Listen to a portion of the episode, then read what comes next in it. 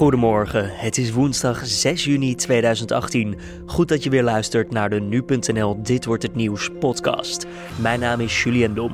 De werkgroep Kind in AZC komt met aanbevelingen vandaag voor de omstandigheden van kinderen in asielzoekerscentra in Nederland. Waar een Nederlands kind ongeveer één keer in de tien jaar verhuist, verhuizen kinderen in AZC's uh, ongeveer één keer per jaar. Maar er zijn echt pieken, want we horen echt verhalen van kinderen die wel zes à tien keer verhuisd zijn. Verder worden er 500.000 jonge palinkjes uitgezet in Friesland. We spreken de organisatie daarachter. Maar eerst kijken we kort terug naar het belangrijkste nieuws van afgelopen nacht.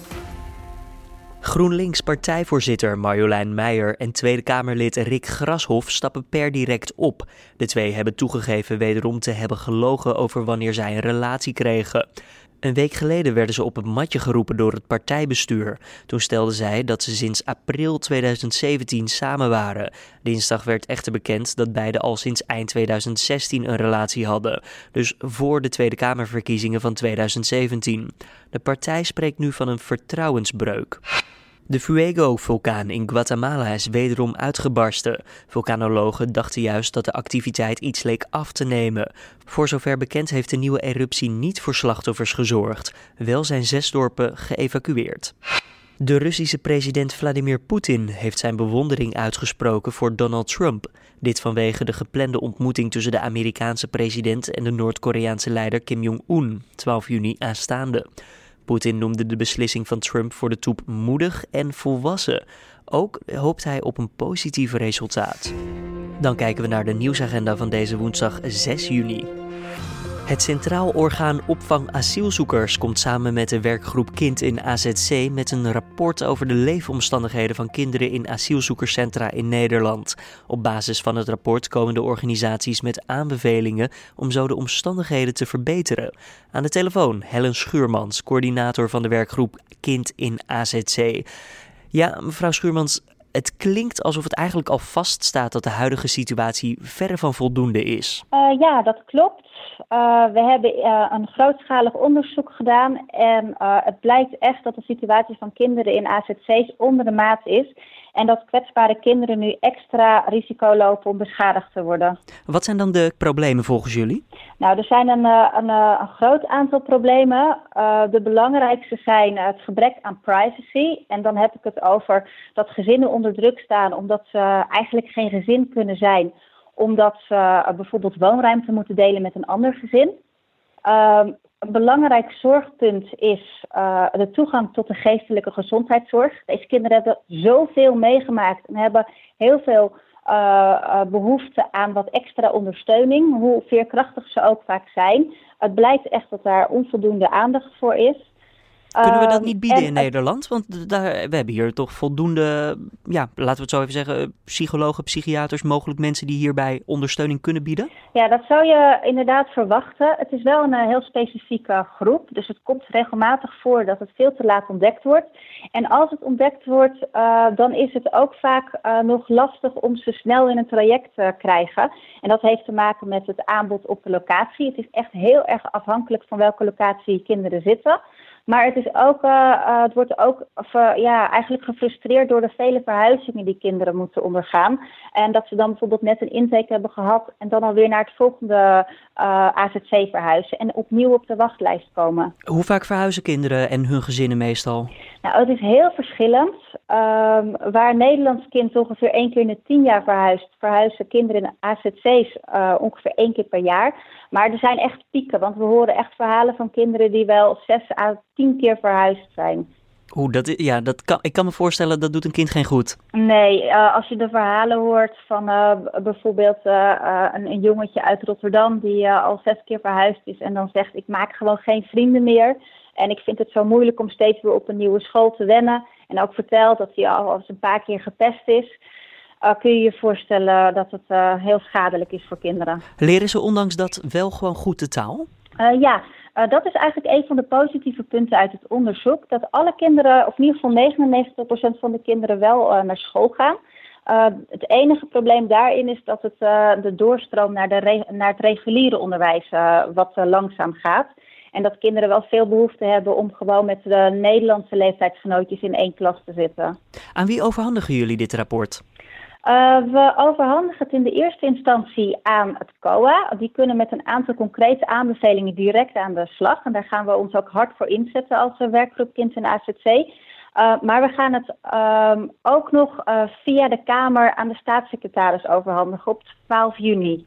En wat zou hij vervolgens moeten doen? Hij moet echt per direct stoppen met het verhuizen van kinderen, zoals in het regeerakkoord staat. Maar waar hij nog eens vier jaar de tijd voor gaat nemen. En uh, als gevolg daarvan gaan nu in deze zomer 11 AZC sluiten, waar nu ongeveer duizend kinderen zitten. Dat betekent weer een verhuizing. Hij moet ervoor zorgen uh, dat de bezettingsgraad wat verlaagd wordt, zodat uh, mensen hun woonruimte niet moeten delen. Um, dat er betere toegang komt tot de geestelijke gezondheidszorg. En dat er voor alle kinderen, dus ook de tieners, activiteiten aangeboden worden, zoals sport, spel en creativiteit. Komt dit uh, rapport dan eigenlijk niet veel te laat? Want we praten al jaren en jaren over de ja, asielzoekers in Nederland en misschien de bijbehorende problematiek. Ja, um, het, het, het, het, rapport komt precies op tijd. Uh, maar het is wel echt belachelijk dat we er al jaren en jaren over praten. En dat we dus ook al jaren en jaren pleiten voor het stoppen van die verhuizingen. En uh, de regering heeft het dus ook erkend en het niet voor niets in het regeerakkoord opgenomen. Um, dus uh, ja, wij, wij vinden het ook vreselijk dat het zo lang duurt. En we blijven gewoon net zo lang pleiten tot het verbeterd wordt. Um, ja, nu te beginnen met, uh, want uh, de regering is nu bezig met uh, het flexibiliseren van de opvang. Dus er is nu eigenlijk een window of opportunity om het in één keer goed te regelen. Nou, laten we dan het belang van kinderen voorop zetten. Helen Schuurmans hoorde je, coördinator van de werkgroep Kind in AZC. Meer over het rapport lees je op nu.nl. Een link naar het artikel vind je in de beschrijving van deze podcast. Stichting Dupan zet vandaag in samenwerking met het ministerie van Economische Zaken een half miljoen jonge palinkjes uit. Dat gebeurt in de provincie Friesland. Met de uitzetting wil de stichting een impuls geven aan de palingstand in Nederland. Daarover praten we met Alex Koelewijn, voorzitter van Dupan.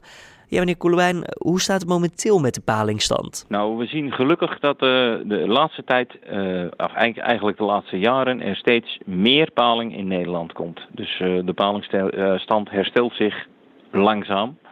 Maar, maar gestaag. Ja, en dan nu 500.000 jonge palingjes. Dat klinkt als echt ontzettend veel. Uh, dat zijn er ook ontzettend veel, want je moet nagaan dat dit dus uh, 500.000 palinkjes zijn die al uh, een enkele maanden opgegroeid zijn in een, uh, in een aquacultuurbedrijf. Dus uh, die zijn uh, van heel klein, van 0,3 gram, zijn ze gebracht tot ongeveer 3 gram per stuk. dat zijn dus echt al hele vissen. En die hebben een hele goede overleving. En dan is 500.000 een heel behoorlijk aantal, een hele behoorlijke impuls voor die palingstand in Friesland. Blijven ze ook allemaal in Friesland of in ieder geval in Nederland of gaan ze nou, uiteindelijk de wereld rond? paling is, die wordt geboren op, in de in de Sargassozee. En als je nou weet waar dat is, uh, dan uh, dat ligt namelijk boven Cuba. Ik, ik wilde het al vragen, help me even. Ja, daar, daar, daar, worden die palingen geboren. De Sargassozee, uh, in de Sargassozee ligt de Bermuda-driehoek. Dus dat is ja, een beetje een mysterieuze plek. En vandaar ook dat het nog steeds in, in nevelen gehuld is waarom die paling daar zich voortplant. Maar daar plant de paling zich voort. En vervolgens drijven de, de jongen, de larfjes, die drijven met de golfstroom mee naar de Europese kusten. En dat is de golfstroom en de wind en, uh, en het water die bepaalt waar die paling aankomt. Um, vervolgens komt die paling aan de Europese kust, dus ook bijvoorbeeld aan de Afsluitdijk of uh, bijvoorbeeld in Friesland bij het gemaal Zwarte Haan. Uh, die jonge paling die trekt daar op het zoete water aan, hè, dus ze komen vanuit het zout uh, kunnen ze hele kleine uh, verschillen in, uh, in zoutgehaltes waarnemen. Trekken ze op het zoete water aan. En dan gaan ze het zoete water in om daar vervolgens tot volwassenheid te komen. Nou, en als ze eenmaal volwassen zijn, maken ze dus die hele reis weer terug. En over hoeveel jaar praten we dan? Nou, voor de mannelijke aal moet je ongeveer rekenen dat dat ongeveer uh, tussen, de, ja, tussen de vijf en zeven jaar is. En voor vrouwelijke palingen uh, duurt dat een jaartje of vier, vijf langer. En nou kunnen we ze dan denk ik aan over dat aantal jaar niet opeten meteen, want dan maken ze die reis nee, natuurlijk maar, niet terug. Nee, maar dat is dus het mooie van Friesland, is dat die, uh, die vis die vissers vissen daar met een uh, quotum. En die hebben dus uh, een quotum waarbij vastgesteld is dat ze niet meer mogen vangen als dat ze in 2009 deden. Nou, uh, dat is heel mooi, want dat betekent dat je je visserij beheerst en beheert. En daarmee die palingen een goede kans geeft om volwassen te worden. En dat zie je ook gebeuren in Friesland, dat er heel veel volwassen paling zit. En die helpen we dus aan het eind van het jaar weer over de dijk, de Waddenzee in of de Noordzee in, om vervolgens die cirkel weer uh, rond te ja, krijgen. Hebben, houden wij ook rekening met de consumptie en uh, misschien de voortplatting van paling in het buitenland? Of is uh, ja, onze hulp nu met die 500.000 palingjes een druppel op de gloeiende plaat? Nee hoor, nee, nee. Wat wij hier doen, dat is een Europees voorgeschreven verbeteringsmiddel, een herstelmiddel. Dus dat wordt die uitzet wordt ook een gedeelte betaald door het Europese Fonds voor Maritieme Zaken en Visserij. En dus daarbij komt dat wij hier in Nederland, heb je paling waar een blauw logootje op zit, het Eel Stewardship Fund. Daaruit betalen we ook een gedeelte van. En uh, uh, datzelfde fonds draait bijvoorbeeld ook in, uh, in Duitsland. En ze zijn nu ook bezig om dat in Scandinavië in te voeren. Dus die uitzet van paling is, is in, niet, in die zin niet uniek dat dat in meerdere plekken in Europa gebeurt. Hè. Het gebeurt in, in Spanje, in Italië, in Griekenland. maar ook in, in Nederland, in Duitsland, Scandinavië. Uh, het over de dijk helpen van palings zoals wij dat doen, dat is ja, nog wel tamelijk uniek. En daar zijn we dus ook bezig mee om onze collega's in het buitenland mee te helpen. Voorzitter van Dupan hoorde je, Alex Koelewijn. De Raad van State doet een uitspraak over de milieuzone in Rotterdam. De gemeente stelde de milieuzone in in 2015 voor een groot aantal straten in het centrum en in het noorden van de stad. Binnen die zone mogen geen dieselauto's van voor 2001 of benzineauto's van voor juli 1992 rijden. De milieuzone is tegen de zin van verschillende partijen die al eens naar de rechtbank in Rotterdam stapten en gedeeltelijk gelijk kregen. De nieuwe Spaanse premier Pedro Sánchez presenteert zijn ministerploeg. Dat zal een minderheidsregering zijn omdat de sociaal-democratische PSOE, die de Spaanse verkiezingen in 2016 verloor, slechts 84 van de 350 zetels heeft in het parlement. De 46-jarige Sanchez is als premier de opvolger van Mariano Rajoy, die vrijdag door het parlement naar huis was gestuurd nadat bestuurders van zijn volkspartij wegens corruptie tot lange gevangenisstraffen waren veroordeeld. De uitslagen van de voorverkiezingen die dinsdag in verschillende Amerikaanse staten zijn gehouden worden bekendgemaakt. Deze zijn bedoeld om verkiezingskandidaten te selecteren die aan een tussentijds congresverkiezingen en gouverneursverkiezingen, beter bekend als de midterms, op 6 november zullen meedoen. De Republikeinen willen in die verkiezingen hun meerderheid in het Senaat en het Huis van Afgevaardigden behouden. Dan kijken we naar het mediaoverzicht van deze woensdag 6 juli. Negen ziekenhuizen in Noord-Holland, Flevoland en Gelderland bundelen hun krachten om de behandeling van prostaatkanker te verbeteren. Daarover schrijft de Telegraaf. Het samenwerkingsverband zal een kwart van alle mannen met prostaatkanker behandelen en volgen.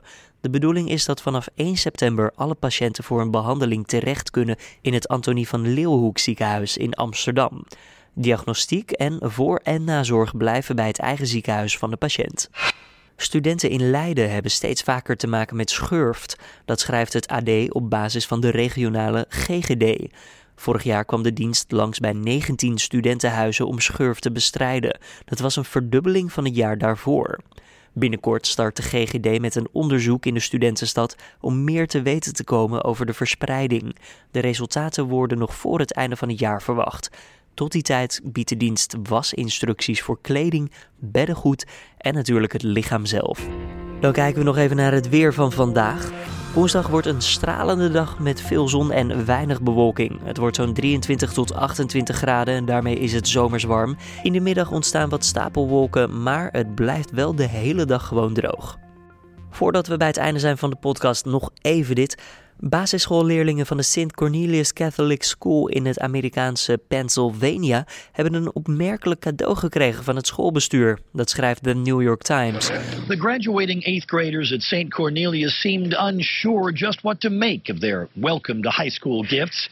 The kind of gifts they pray they will never have to put to use. Om zich op te maken van de stap van elementary school naar high school, oftewel van de basisschool naar de middelbare school. Na deze zomer hebben de leerlingen een kogelwerend schild gekregen. Eentje die in hun rugzak past voor het geval er een schoolshooting zou plaatsvinden. Het schoolbestuur betreurt de noodzaak, maar zegt ook dat ze hun leerlingen niets anders dan een veilige toekomst bieden en wensen. Anything that we can do to protect our children and our staff, that's yeah, that's my job to protect them and I try to do the best I can. Dit was dan de Dit wordt het nieuws podcast van deze woensdag 6 juni. Je vindt de podcast maandag tot en met vrijdag om 6 uur ochtends op nu.nl. En voor het een goede podcast laat het ons dan weten via redactieapenstaartje.nu.nl of laat even een recensie achter in de podcast app die je gebruikt. Voor nu, tot morgen.